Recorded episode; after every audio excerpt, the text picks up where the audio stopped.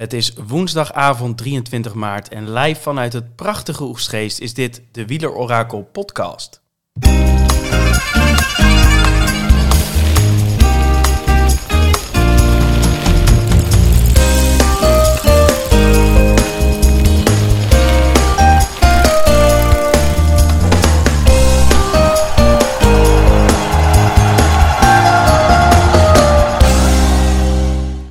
Tegenover mij zit hij weer, het wandelende routeboek Thomas. Ben je scherp vandaag?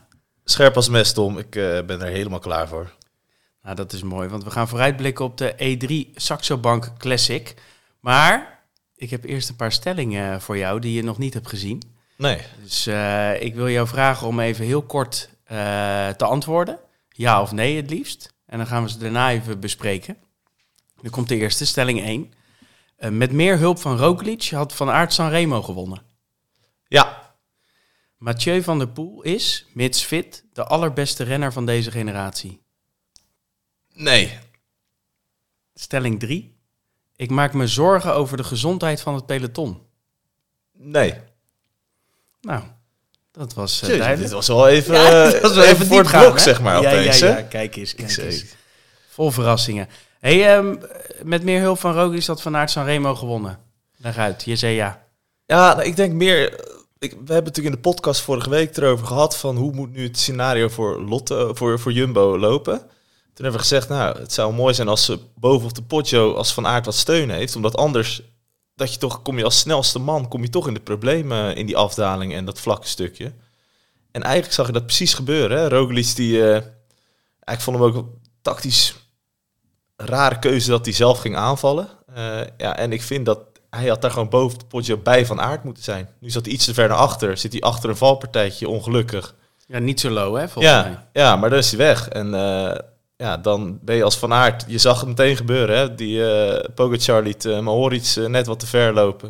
Die ging natuurlijk full eh, kamikaze naar beneden.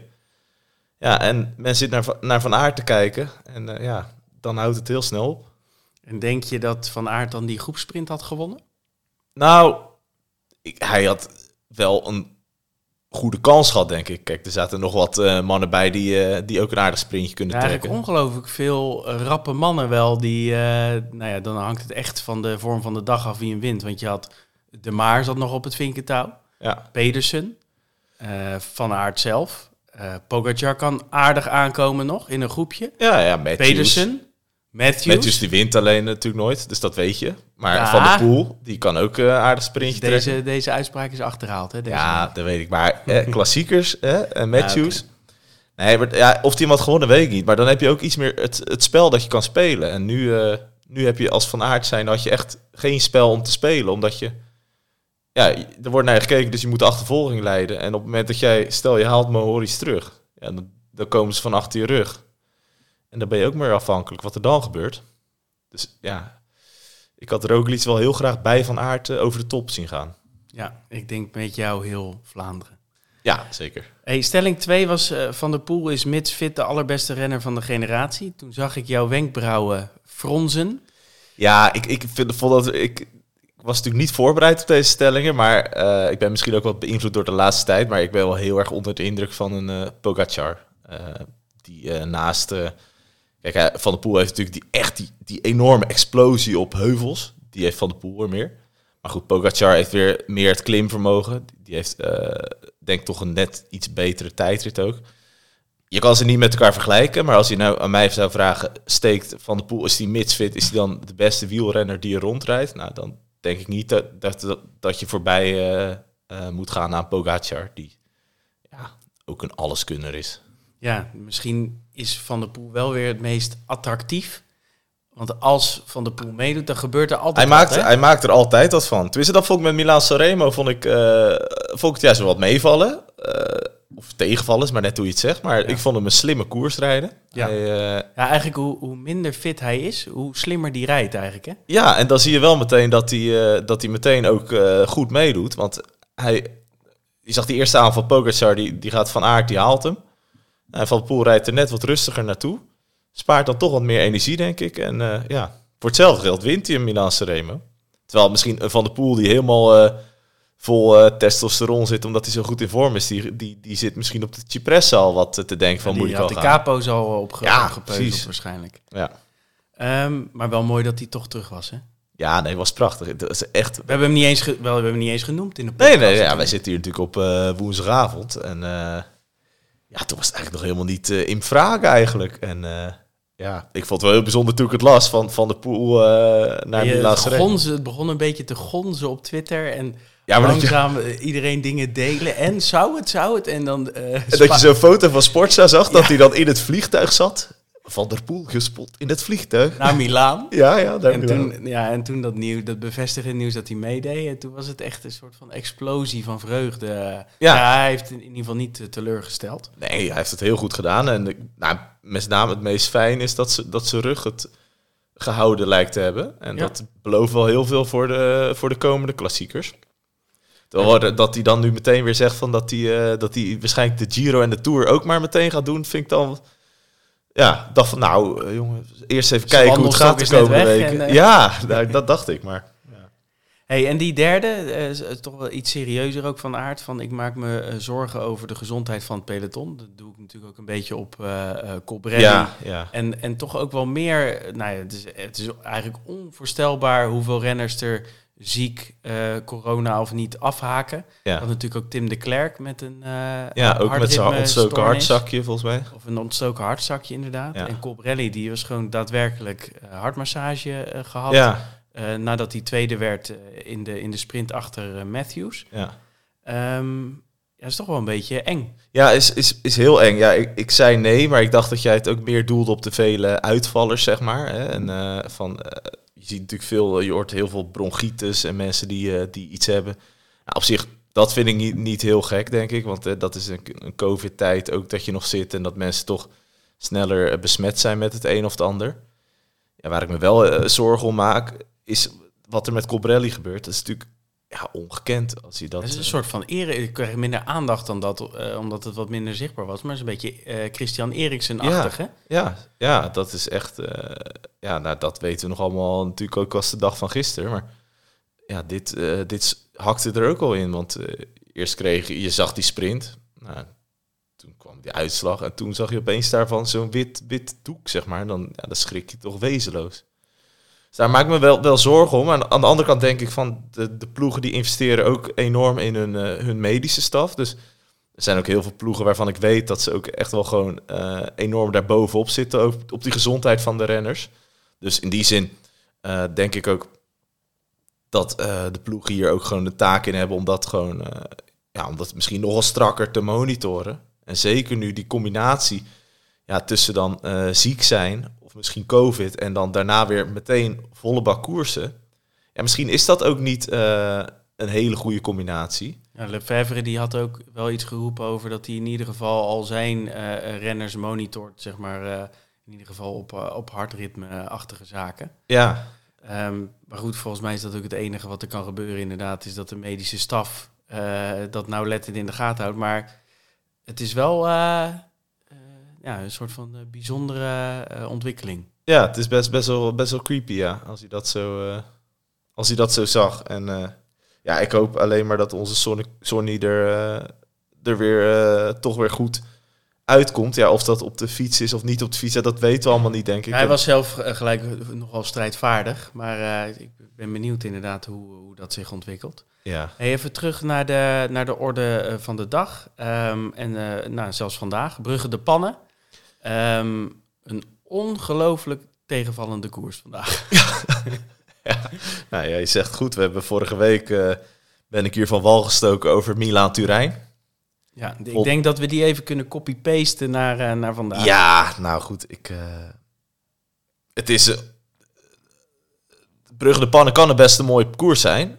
maar dan moet het wel waaien. En de renners moeten er zin in hebben, zeg maar. Ja, dat was allebei niet echt van. Nou, het waaide dus niet. En de enige renner waarvan ik echt dacht van... Nou, die heeft er zin in, dat was Niels Poliet. Want die heeft denk ik eh, een kilometer of honderd of zo...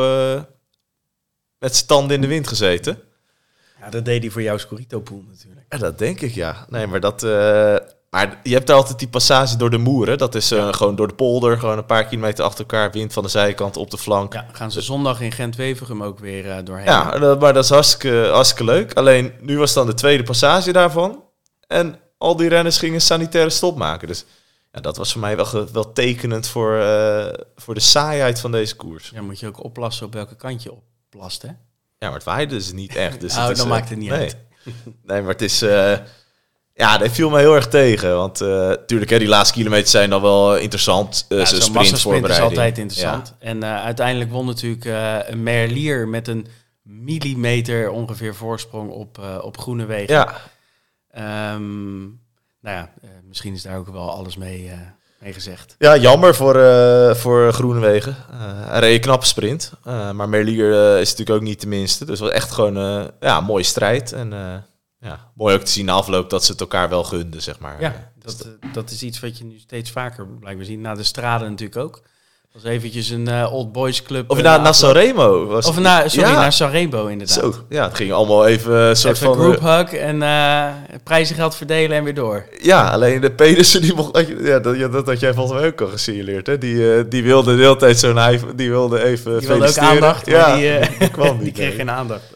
Nee, maar dat is wel leuk. Die jonge generatie die dan gewoon met elkaar ook... eh, die er gewoon lol in heeft in koers maken. Want Milaan Sanremo, ja, ik kom er weer op terug. Maar ze- het was toch wel gewoon een attractieve koers. Eh, ze gingen met 30 man de potje op. En dat is, nou, daar, weet je, dat is ook wel eens 130 geweest. Dus ja, eh, Wat dat betreft mooi. Hey, er wordt deze week ook ge- gereden in eh, Catalonië en in Italië, de Coppie Bartali. ja. Ehm, Catalonië, weer licht verontrustend nieuws in de zin van Dumoulin opgegeven vandaag. Is blijkbaar, de, we hebben Dumoulin nog niet eh, eh, gehoord, eh, maar ploeglijn zegt ja, misschien is het wel toch de wat naweeën van, van COVID eh, ook. Eh, is nog niet helemaal op koers zo voor de Giro. Nee, helemaal niet. Hè? De Giro begint natuurlijk over een dikke maand. Dit was volgens mij zijn laatste ritkoers als voorbereiding. Ja. Ja, zorgwekkend, denk ik. Eh, hij stapt ook volgens mij ergens midden in de etappe af. Ze hebben, ja, ze hadden nog, ja, ze hadden misschien één berg gehad. Dus ja, eh maak me wel zorgen. Dus ja, dan. Zou, dan zou je zeggen, dan kijken we naar de, naar de tweede kopman van Ja, Jumbo die in Italië Giro. rondrijdt. Reed. Reed. Die is er ook mee gestopt. Ja, en die is, eh, die is in ieder geval hard onderuit geschoven. Vos, ja. Tobias Vos. Ja, ja vind ik een hele interessante renner. Reed vorig jaar voor mij ook eh, top 10 in de Giro al. En eh, ja, heeft wel echt dat doorzettingsvermogen. Is jong. En toch zo'n Scandinaviër. hè, Dan zie je dat er zit meestal goede kop op. Het is heel jammer dat die is uitgevallen. Maar ik denk dat ze bij Jumbo toch wel even gaan denken hoe ze die Giro nu moeten eh, gaan aanvatten. Ja, dat wordt nog een, eh, dat wordt nog een eh, hele klus, denk ik. Ja. Om daar goed aan de start te verschijnen. Maar goed, dat voor later. We gaan vooruitblikken op de E3 Saxo Bank Classic, zoals die zo mooi heet. Vroeger heette die volgens mij gewoon de E3 Harelbeke. Ehm, maar goed, sponsoren heb je nodig. Ja, Ehm, kun jij van wal eh, steken met een korte terugblik op de voorgaande edities? Ja, ja, doen we eigenlijk. eh, laten we maar even doen zoals we hem altijd doen, hè, de laatste drie eh, edities. Eerst kijken naar die van vorig jaar. Die staan nog het meest eh, voor geest, denk ik. 2021. Was, leuke koers, denk ik. Asgreen, die Casper Asgreen. Vroeg in de aanval al. En daarachter zag je het quickstack blok, de Wolfpack, zag je eigenlijk controleren. Dus dat leek allemaal goed te gaan. Dus Asgreen had een minuutje en ja, je denkt, ja, misschien haalt hij het. Maar waarschijnlijk komen er van achter nog wat kleppers terug. Nou, dat gebeurde ook. eh, op de Paterberg Kwaremond. Dat is nou, natuurlijk de bekende combinatie ook vanuit eh, de Ronde van Vlaanderen. Vormde zich eh, het zogeheten elitegroepje. Dus eh, ja, wie zat er daarbij? Eh, van Avermaat zat erbij. Van der Poel, die deed mee. Die zat erbij. Eh, Oliver Nase zat erbij. Toch ook nog twee andere quicksteppers. Van Aert, die had een eh, moeilijk moment. Dus die werd uiteindelijk eh, weggereden door dat groepje. Maar dat groepje dat pikte uiteindelijk eh, aan bij Askreen. Dus dat je Askreen eh, met nog twee andere quicksteppers. Dus daar werd wat spel gespeeld, hè? die waren in de meerderheid. En het grappige was dat Askreen uiteindelijk degene was die, die wegreed uit het groepje. En die uiteindelijk toch nog solo over de streep kwam. Terwijl, ja, die was al, denk ik, kilometer of 50 zelf in de aanval geweest. Dus dat was, een, ja, dat was best een mooie editie, vond ik. Eh, wel in covid-tijden, dus geen publiek. Dus 20 afgelast. door COVID. Eh, hebben ze later in het jaar hebben ze, wel de, hebben ze wel Vlaanderen gedaan, maar E3 hebben ze niet gedaan.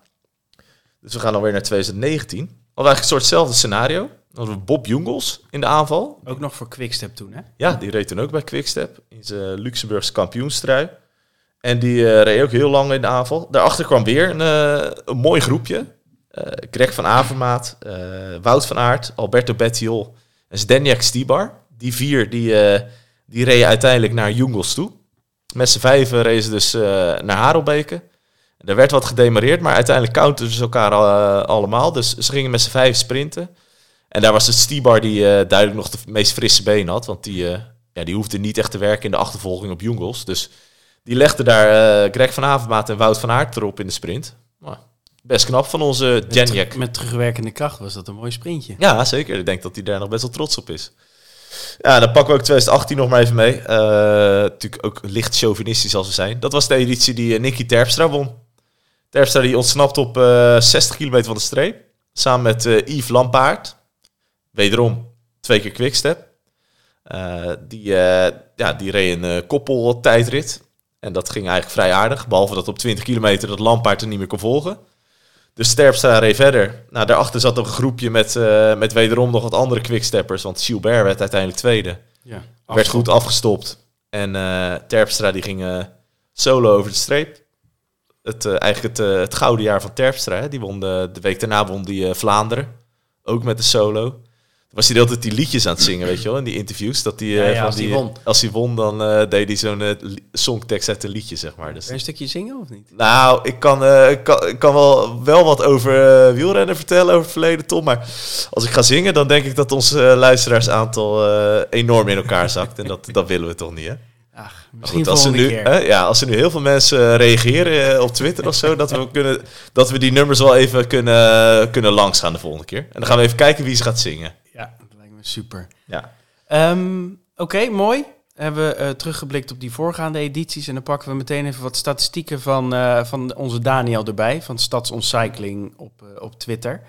Eh, records voor ehm, de E3. Eh Stijn de Volder heeft de meeste deelnemers op zijn naam. 17 keer gestart en gefinished. Volderke. Volderke.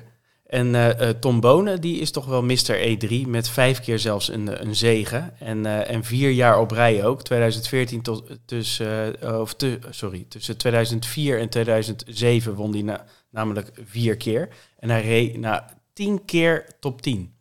Dus Ja. dat, dat is wel echt met recht Mr. Ja, E3. nee, dat herinner ik me ook nog wel. Dat hij altijd wel daar eh, bij de pinken was. Volgens mij deed hij dan altijd zijn aanval op de, op de Taaienberg of zo. Dan reed iedereen uit het wiel. Of tenminste, er bleven nog een paar aanhangen. En dan, ja, dan reed hij uiteindelijk naar de top 10. Ja. Mooi. Hey, en onder de actieve renners staan Terpstra, Langeveld en Hausler voor hun veertiende deelname.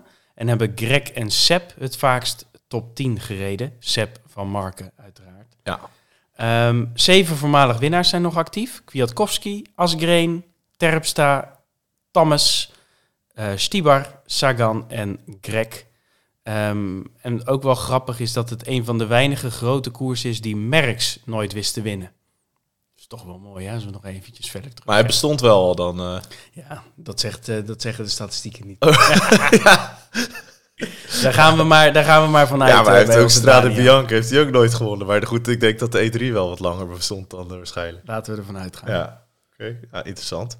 Ja, weet je wat ook interessant is? Wat, eh, waar, wij dus op, eh, waar ik in ieder geval op werd geattendeerd door, eh door Stadsontcycling eh, Daniel, is de jongste deelnemer in de E3 Classic. Dat is dus eh, Rigoberto Uran, Uran, Uran, Uran. Rigoberto, die is nu, eh, nu is hij 35. 16 jaar geleden was hij 19, toen hij nog een kleine Rigoberto was. Toen werd hij door zijn ploeg werd gezegd, joh, ga jij maar even daar die E3-prijs rijden. En eh, dat was de, ook nog de eerste profkoers uit zijn carrière. Dus Rigoberto die ging daar over die kassei, maar ging natuurlijk van geen meter. Dus die eh, nou, uiteindelijk een DNFje achter zijn naam ook. Maar het bijzondere is wel dat sindsdien, in al die 16 jaar daarna, dat Rigoberto nooit meer een Vlaamse voorjaarskoers heeft gereden. Dus die dacht, nou, die kasseien, eh, die, kunnen, die kunnen ze vergeten. Daar gaat deze jongen niet naartoe. Nou, dat is toch wel weer een beetje zonde dat hij dat nooit meer gedaan heeft. Terwijl je in Colombia volgens mij ook niet de beste wegen hebt eh, die er zijn. Maar Nee, maar misschien is hier, heeft hij hier gewoon wel echt een hele slechte ervaring gehad. ja, dan misschien het weer in combinatie met, eh, met de wegen.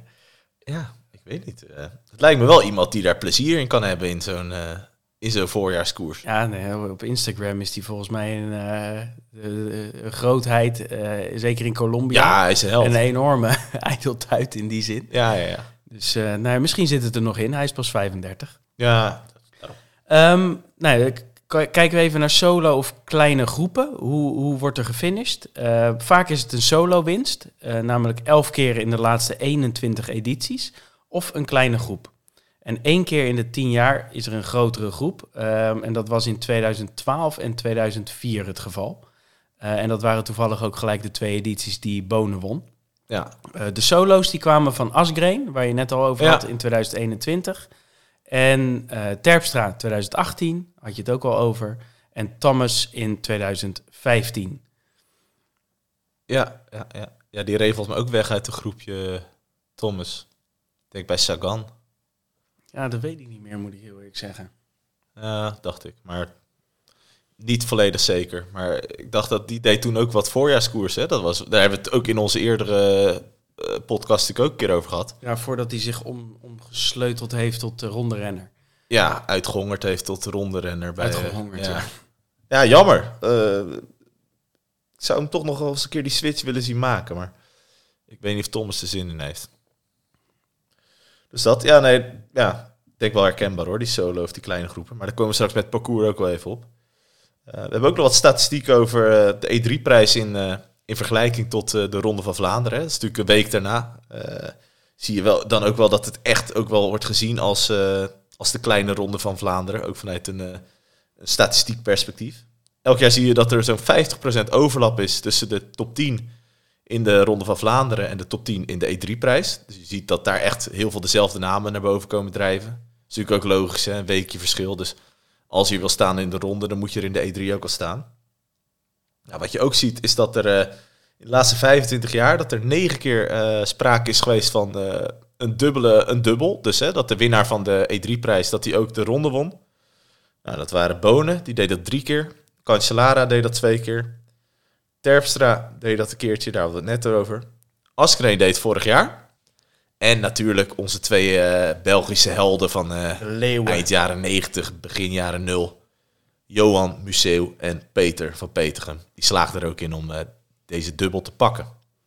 Ja, dus straks wel extra interessant als we de deelnemerslijst doornemen om te kijken van, nou ja, degene die straks de E3 wint, die heeft dus ook serieuze kaarten voor de ronde. Ja, als jij top 10 rijdt in de E3, dan is de kans heel groot dat jij ook in de ronde eh, bij de voorste zit.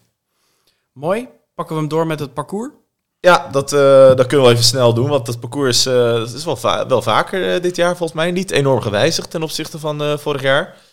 De E3, eh, E3-prijs is eh, 204 kilometer lang.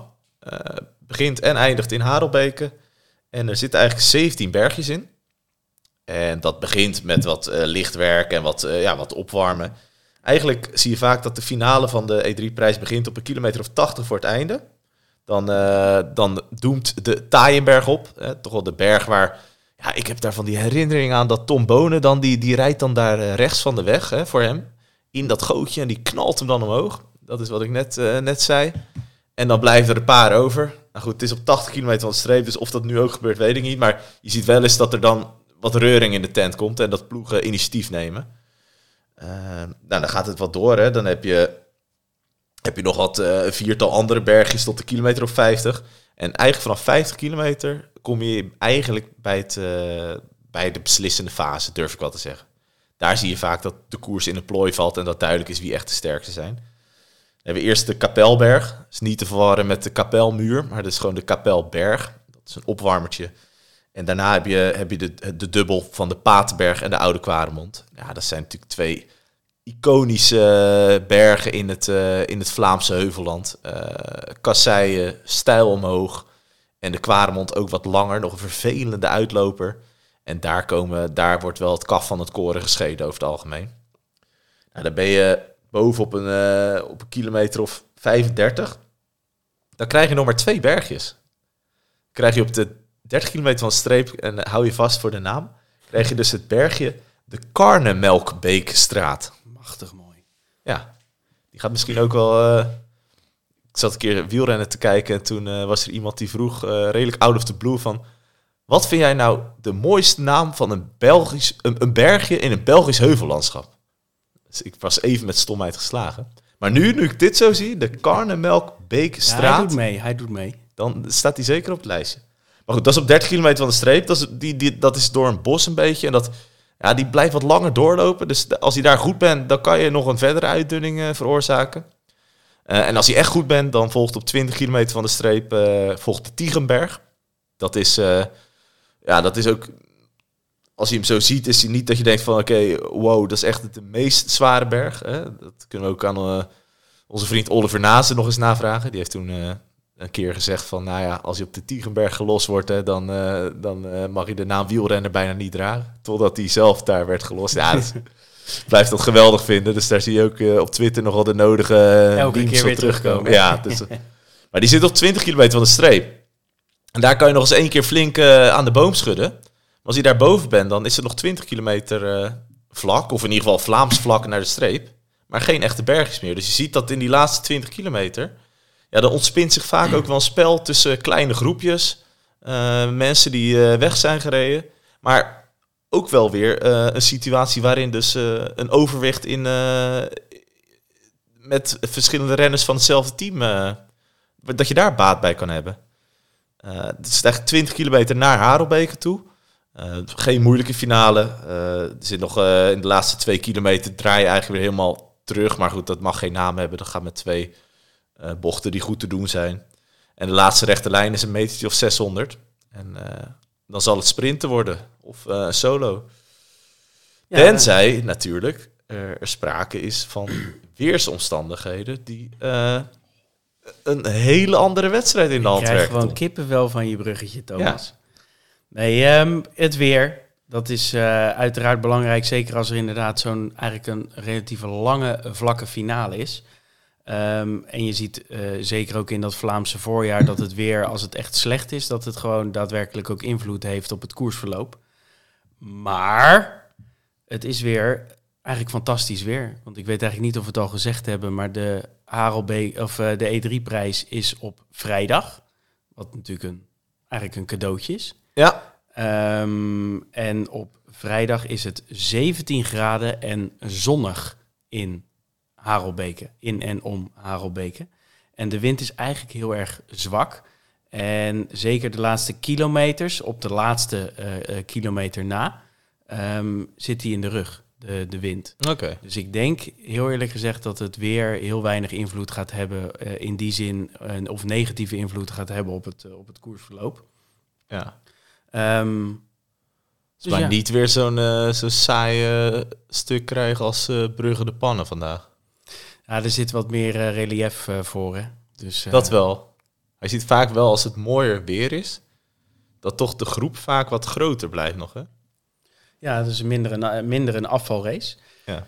Ehm, gaan we hem doorpakken naar de, naar de deelnemerslijst. Die is nog niet helemaal rond, maar die staat toch wel aardig in de stijger. Zo heb je nu inderdaad wel veel ploegen die heel last minute renners pas doorgeven definitief.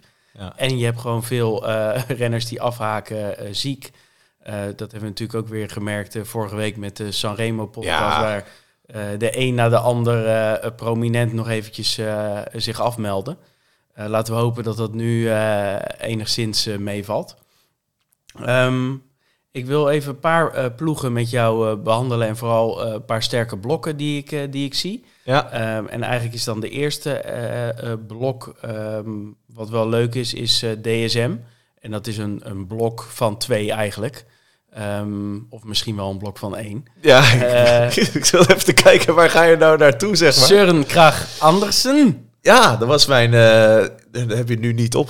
Nu, vorige, vorige keer had je natuurlijk zo'n fragmentje van de voorspelling. Ja, Nu niet, denk ja ik. de- ook omdat je er gewoon volledig naast zat. Ja, precies. Maar Søren Kragh Andersen, dat was toch wel eh, mijn eh, eenhoorn van vorige week. Hij deed leuk. Was ik wel trots op toen. hè, Want hij was dus eigenlijk de enige die een schifting op de potjo eh, wist te veroorzaken. Ja, Pogacar, die heb ik zelfs een Gimas zien trekken om zijn wiel die- te houden. Ja, Dus precies. Dus dat was... ja, oké, dat was, was een prima voorspelling in de zin van hij is goed. ja.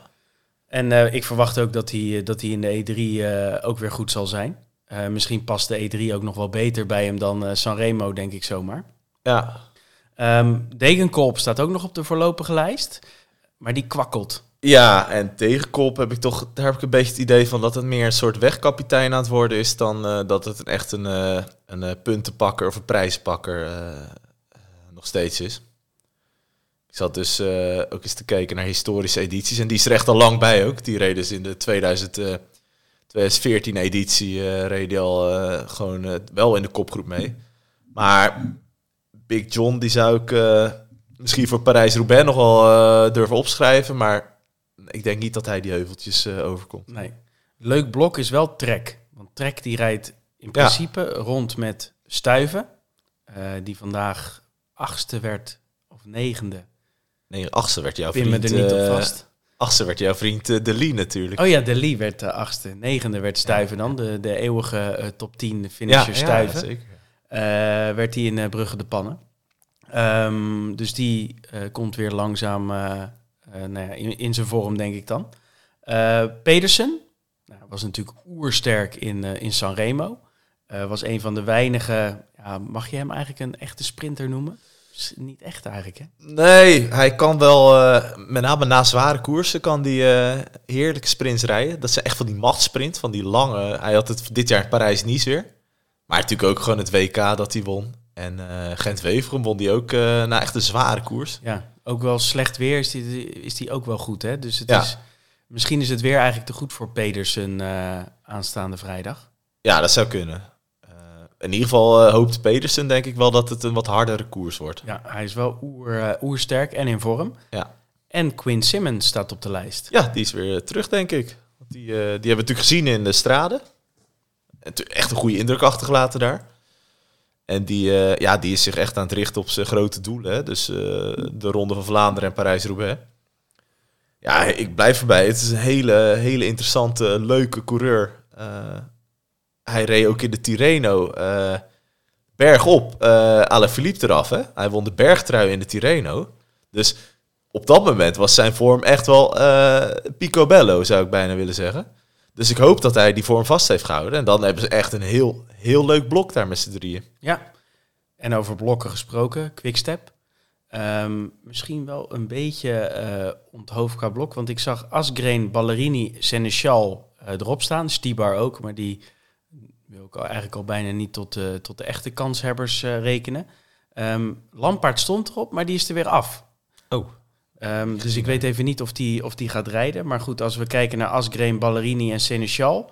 ehm, ja, wat zeggen we daarvan? Nou, ze hebben wel iets eh, een eer hoog te houden. Ik heb net die laatste drie edities eh, behandeld. Daar, eh, nou, die hebben ze alle drie gewonnen. Dat vooropgesteld. En eh, daar waren ze ook nog eh, twee keer tweede. Dus eh, ze weten wel hoe ze deze koers moeten rijden. Ik dat, eh, dat eh ome Patrick ook wel vindt dat ze hier gewoon moeten presteren. Lastig. Askreen heel sterk straden gereden. Dus ik had hem ook wel verwacht in Sanremo, maar daar was hij niet bij. Waarom weten we eigenlijk niet, hè? Nee, ik denk toch dat het meer gewoon een soort van natuurlijke break dan was of iets dergelijks. Ja, Stibar denk ik inderdaad, wat, je, wat we eerder al zeiden, dat is ook, ja... Weet Echt ook een beetje de wegkapitein. Ja, eh, dat denk ik, ja. Hij heeft wel de ervaring, maar niet meer die echte punch. En Seneschal verwacht ik eigenlijk wel wat van. Ja, die zit er eigenlijk langzaam maar zeker, eh, komt hij volgens mij ook steeds iets meer in vorm. Eh, Was de enige quickstep-renner in het eh, Sanremo groepje. Ja, hij was mee. volgens mij zat hij een beetje waar De Maar zat. Ja, Het is een beetje Frans collectief daar, zeg maar. En hij, hij zat ook achter die valpartij met Nizola. Want hij werd, ik denk, veertiende dat hij werd. volgens mij ook, ja. Eh, dus hij zat er wel bij. En dat is best knap voor de renner als Seneschal. Dus als hij echt in die opbouw is naar een Ronde van Vlaanderen en Parijs-Roubaix... dan zit hij goed in die opbouw. Want dat, ik vond hem juist aan het begin van het jaar wat tegenvallen. Dat was het net niet. Maar als hij dit vasthoudt, zeg maar die Sanremo-vorm... dan zou ik hem wel opschrijven.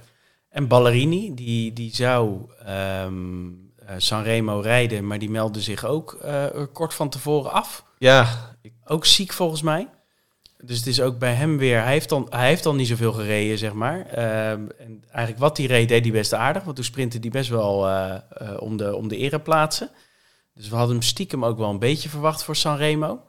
Ehm maar goed, groot vraagteken, denk ik. Ja, heel groot vraagteken. Ik denk, Quickstep zou ik verwachten, Askreen en, eh en Seneschal.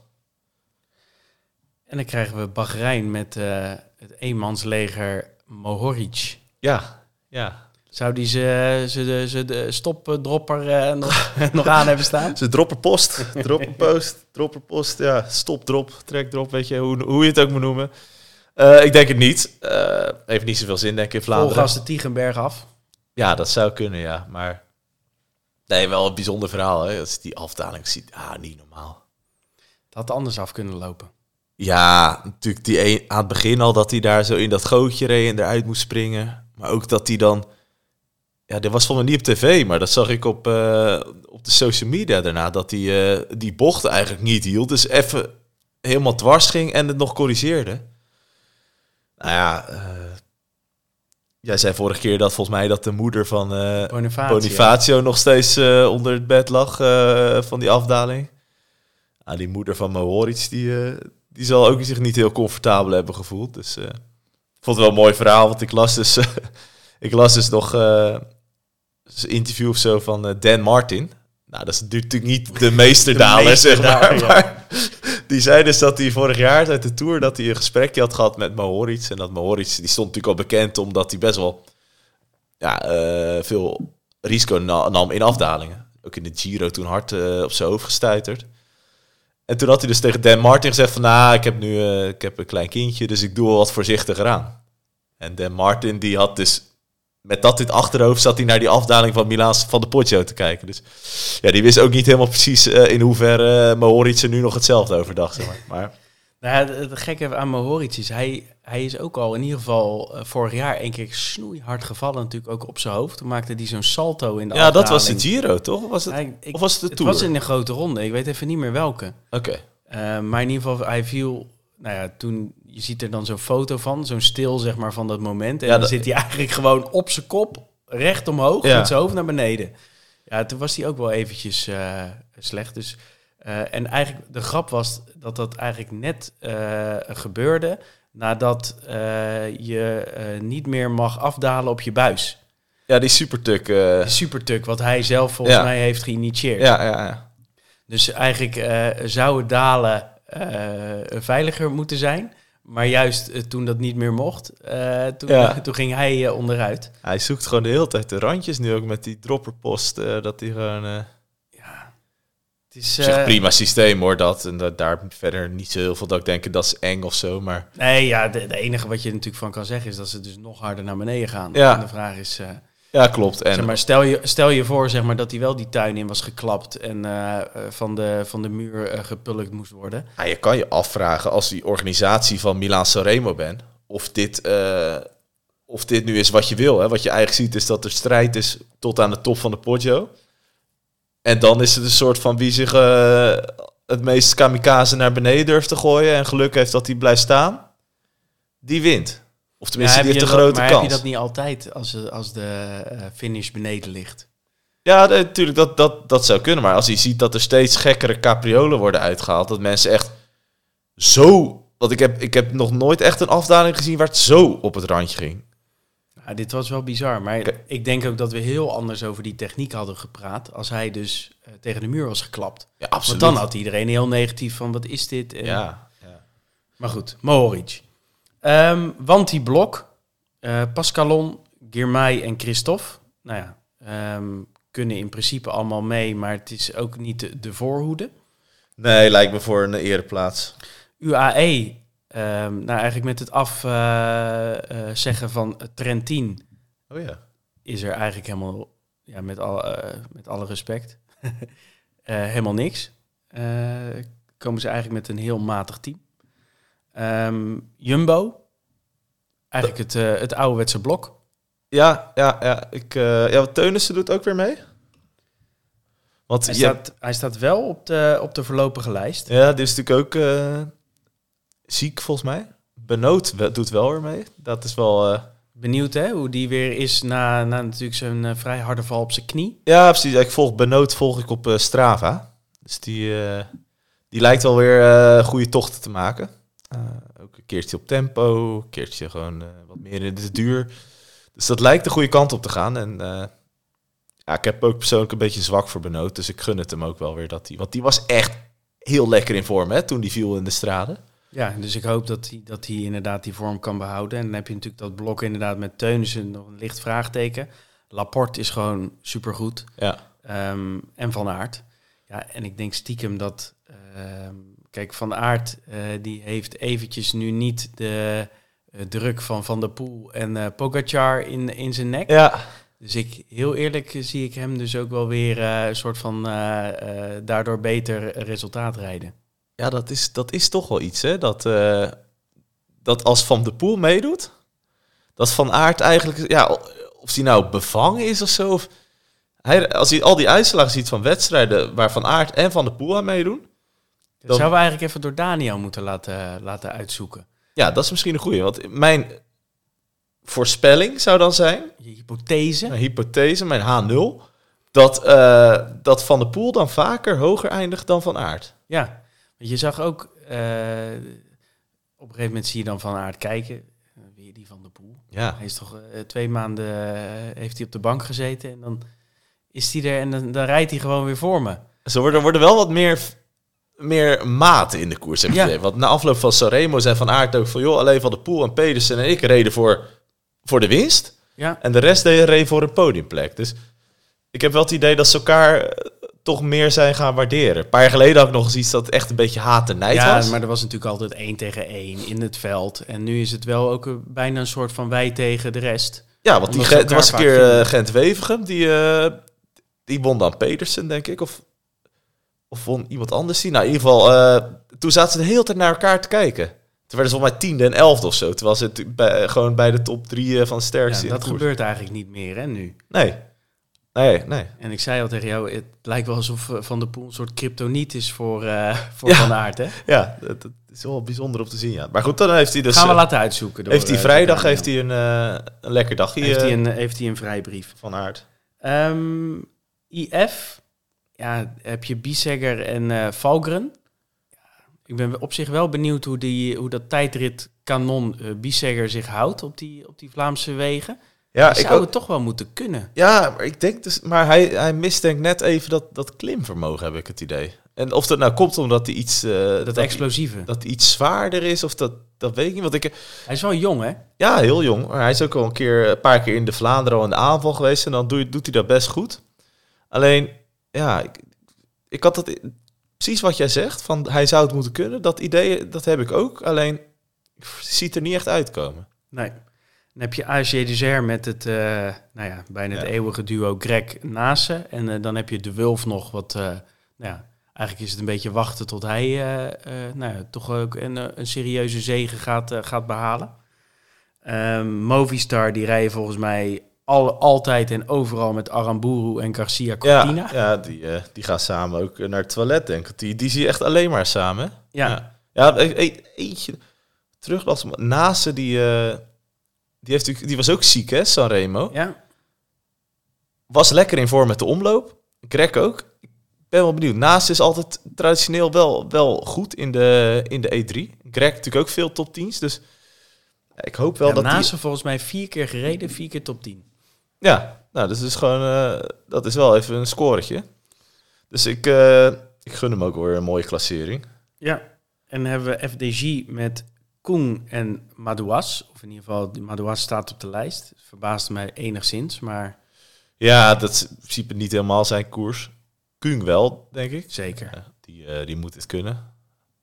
En eh, ja, bij Kung is wel... eh, als hij- Kung natuurlijk meekomt over die laatste... over de Tiegenberg... en met nog 20 kilometer op vlakken... Ja, Ja, dan, als die eh, zijn turbo erop gooit dan, Ja, nee, en zeker. hij krijgt een gaatje, is het, is het leuk. Eh, wat ik ook nog leuk vind is, eh, bij Ineos heb je eh, nou ja, Narvaez. ja, nou ja, die, die doet het eigenlijk al het hele voorjaar leuk. Ehm, en Van Baarle. Ja, en Van Baarle, die, die zat vorig jaar nog bij dat, bij dat eerste groepje. Nou ja, het is eigenlijk de eerste wedstrijd die hij ook echt zeg maar in het Vlaamse voorjaar gaat rijden. Die heeft dus zijn piek eigenlijk wat later gelegd. Ja. Veel starten in de omloop en hij heeft gekozen dat later te doen. Ehm, eigenlijk verwacht ik hem wel. Ja, want Van Baarle die reed ook, eh, die reed ook behoorlijk in eh, Parijs-Nice, denk ik dat hij reed. Reed voor een hele nette tijdrit. Daar zie je ook altijd wel aan van of renners een beetje in vorm komen. Dus ja, zeker. Die, eh, die verwacht ik wel dat ergens op tv te zien vrijdag. Ja. Nou ja, Lotto doet mee met Kampenaerts en Van Moer. En Total Energies die doen mee met Turgi en Ja. Sagan. ja, en dat heeft Sagan weer dat nummertje 1. Staat hij op de startlijst, hè? Dat vind ik toch, wanneer... Want dat is ook voor Sagan is dat iets van... Wanneer heeft hij niet meer dat nummertje 1? En voor Turgi, die echt gewoon natuurlijk prachtige Sanremo ook reed... Wanneer mag die nou eens met nummertje 1? Ja, ik weet niet of ze er zelf heel veel waarde aan hechten. Nee? Misschien Sagan wel. Maar... Nou, dat lijkt mij dus. Ja, dat is eh, op zich altijd wel grappig, hè? Want je, sommigen die, die willen echt inderdaad, eh, zeg maar, kopman zijn. Dus dan ben je inderdaad 1, 11, eh 21. Eh, maar je hebt ook wel renners die, dat voor mij interesseert, hebben ze het zelfs liever niet. Dus, Nee. eh, voor mij Valverde bijvoorbeeld, die rijdt ook best wel vaak met andere nummers dan 1. Ja? Denk je En- dat hij dat niet... Nou ja, ik denk dat sommigen die hechten daar denk ik ook gewoon minder waarde aan. Maar als hij Turgi ziet, dan denk ik dat hij... Dat is best, ook, ook Het een is- beetje een kijk- mannetje, hoor. Het is wel de kopman, hè? Nou, zeker. Ik denk, eh, ik heb jou... ik heb jou gehoord dat het geen afvalkoers wordt eh, van het weekend. Dus dat is voor Sagan is dat misschien wat jammer. Want eh, ik denk dat die nog steeds niet helemaal scherp staat. Ja. Ik hoorde zelfs geruchten dat ze dachten dat hij zijn materiaalpech voor de Cipressia fakte. Dat hij had fake... Ja, nee, maar dat had geen lekband. En nee, ja... Ik weet niet. Hij, hij mag me altijd verbazen, Sagan. Maar ja, ik... Het Zou, wordt... wel, zou wel bijzonder zijn trouwens hoor. Dat je dan faked dat je pech hebt om te verbloemen dat je niet goed bent. Ja, kan me ook niet voorstellen. Maar goed, dat Nee, soort geruchten krijg je natuurlijk altijd. Maar hij, eh, hij valt eh, best tegen. En dat is best wel, ja, toch wel een beetje pijnlijk om te zien voor een renner als Sagan, vind ik. Ja, en dan hebben we nog Tiller bij eh, Uno X. Leuke renner hè? Getipt ook door Arjan Zoer eh, in onze eh klassiekerspel podcast. Ja. Over Arjan Zoer gesproken. Wat een brug. Ja. We hebben eh, statistieken. Of statistieken. We hebben de, de voorspelling van de computer van, van Arjan. Ehm, en wat we er nu ook bij gaan noemen is de expected win. En dat is dan het percentage waarvan de computer denkt van, eh, nou ja, dat is ongeveer eh, hoeveel kansen hebben om, eh, om te winnen. Ehm, en dan gaan we eventjes van, van 10 naar, naar 1. Eh, op 10 hebben we Stefan Koen. En die heeft een expected win van 1,6. Dan hebben we op 9 hebben we Oliver Nase. Die zit op 4%. Op 8 hebben we Jasper Stuyven op 4,1. Dan hebben we Laporte. En die zit op eh 4,4. Dan hebben we Greg. Die zit op 6. Casper Asgreen op 6,3%. Op 4 Alexander Christophe op 7,5. Anthony Turgi, nummer 3, 7,9. Nummer 2, Florian Seneschal, 7,9. En dan krijgen we de nummer 1. Nou ja, daar hoef je, geen, eh, eh, nou, hoef je niet voor gestudeerd te hebben. Wout van Aert. En dat is dan wel weer grappig, want dan zie je ook weer hoe erg hij favoriet is. Die heeft namelijk een expected win van 36,1 procent. 36, dus dat is wel bizar eigenlijk. Ja, want dit zie je niet vaak. Ja, soms dan, eh, zeg maar, Pogacar die haalt ook af en toe dit soort percentages. Ja. Ehm, maar Van Aert, eh nou ja, het komt ook een beetje natuurlijk wel door het deelnemersveld wat er is.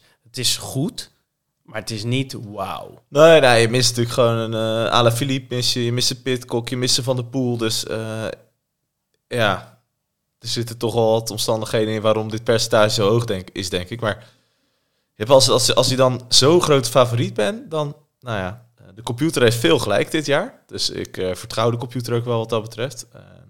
Maar het zijn wel hoge verwachtingen die hier voor Woutje liggen. Dan gaan we naar de, uh, naar de voorspellingen van, uh, van ons panel. Ja. Dan ehm, beginnen we eventjes met Arjan en, eh, en Daniel. We doen dan elke keer eh, Verstand en, eh, en de eenhoorn. Dat is eigenlijk dus een beetje je dark horse. Ehm, Arjan die zegt met zijn verstand, zegt hij eh, van aard. Die volgt gewoon de computer. Ja, altijd. Ehm, en zijn eenhoorn is Stefan Koen. Ja, nou vind ik een eh, mooie keuze. Ja, dat zie ik ook nog wel echt gebeuren. Ik zie zeker, zeg maar, zo'n... Als het, als het zeg maar niet sprinten wordt, dus eh, zeg maar van aard... dan zie ik dus inderdaad zo'n type eh, eh, tijdrijderachtig figuur... die inderdaad gewoon wegmuist en, en niet meer Ja, teruggezien. ja, ik denk, ik verwacht ook niet. Ik denk dat het weer zoiets is dat er ergens tussen de vijf en de tien man in een groepje terechtkomen. En dan krijg je altijd dat spel van die demarages. Hè? Dus de een demareert, de andere haalt hem. En dan demareert er nog één. En dan wordt hij niet gehaald. En dan is hij weg. Valkrein vind ik ook zo iemand die daar dan plotseling toch weer bij zit. Daniel zegt eh, met zijn verstand Casper Asgreen. Ja. En eh, zijn eenhoorn is Dylan van Baarle. Nu moet ik zeggen dat hij altijd flink chauvinistisch is, onze Daniel. Daniel, ja. Ja. ja. Ehm, maar goed, Vind wie ik weet. mooi. Nou, ik vind dat wat Daniel woont in Limburg natuurlijk. Ja, de Limburgers die chauvinistisch zijn, dat is toch ook mooi, vind ik. ja, dan horen ze er toch een beetje bij. Ja.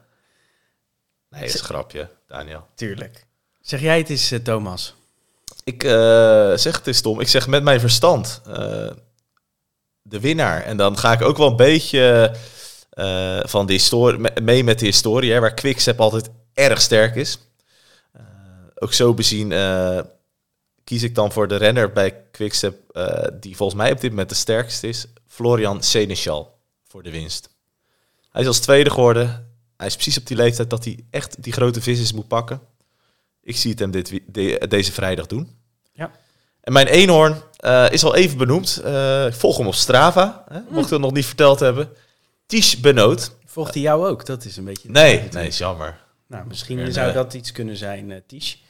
Ties, als je luistert, eh, volg mij vooral op Strava. Elke kudo is welkom. maar als je het niet wil, dan zou ik het ook vooral niet doen. Ik volg jou wel en jij bent mijn eenhoorn voor aanstaande vrijdag, Ties. Super. Nou ja, wel een gewaagde keuze op zich, want ik ben benieuwd hoe die inderdaad weer terugkomt. Ja, nou, ik denk dat- dat zou ook vanuit het scenario zijn dat Van Aert mee is, Benoot mee. eh, en dat ze, Misschien die, Laporte. ja, dat ze die meerderheid hebben in een groepje. En dan, ja, dan kan het best eens dat er dat niet de 36,1% expected win favoriet wint. Precies. Ehm, ik ga eh, eh, gewoon voor Van Aert. Want ik Ja. denk inderdaad dat, die, eh, dat hij echt zonder zijn kryptoniet eh, eh, voor winst kan gaan. En in heel veel scenario's zie ik hem ook daadwerkelijk winnen. Hij kan wachten op sprinten, hij kan Ja. zelf gaan. Ehm, Wat zou je doen als hij Van Aert was? Zou je dan wachten op sprint? ehm, ja. Ligt Geen een beetje aan wie erbij eh, zit. Hè? Ligt er een beetje aan wie erbij zit. Want als je Eenhoorn, mijn Eenhoorn, Mats Pedersen erbij hebt zitten, is dat dan toch wel weer een beetje tricky. En Ja. als hij dan een overtal heeft met, eh, met de groep, al als Van Aert een overtal heeft, dan zou eh Trek ook wel meerdere pionnen mee eh, kunnen hebben. ja. Dus dat wordt nog wel interessant. Want ik denk dat Van Aert wel een beetje zenuwachtig wordt van Pedersen in de sprint. Van Aert is dit jaar in de sp zijn sprint is niet helemaal on point. Hè? Tenminste, hij, eh, voorgaande jaren was hij overtuigender, vond ik in de sprint. Ja, dus ik, Van, eh, van Pedersen al is verloren, zeg maar. In Parijs-Nice natuurlijk een paar keer. van Fabio Jacobsen. Ja, maar goed, dat, eh, dat, zij hem, dat zij hem vergeven, zeg maar. Nee, maar dat, dat, dat is wel iets wat me een beetje opvalt. Ja, dus misschien dat we daar ook weer wat van gaan zien. Ik kan me wel voorstellen dat Van Aert ook wel daadwerkelijk gepiekt heeft naar eh, de Ronde van Vlaanderen, die natuurlijk heel graag wil winnen. Ja, nee, dat, dat heeft hij absoluut. En dan moet hij het nu ook al laten Dan zien. moet hij nu zeg maar eigenlijk nog beter zijn dan dat hij in de omloop was. Eh, Ja. Dus wat dat betreft eh, kunnen we ook natuurlijk onze, onze borst nat maken. Ja, ja. Goed, we gaan hem afsluiten. ja dat, dat lijkt me goed. Nog maar twee dagen, hè? Dan, dan, dan weten we het al wie er gewonnen heeft. Vrijdag is het Vrijdag, Niet- niet 25 vergeten. maart. thuiswerken, beentjes op tafel en lekker naar de E3 Saxo Bank Classic kijken. Veel plezier en eh, tot later.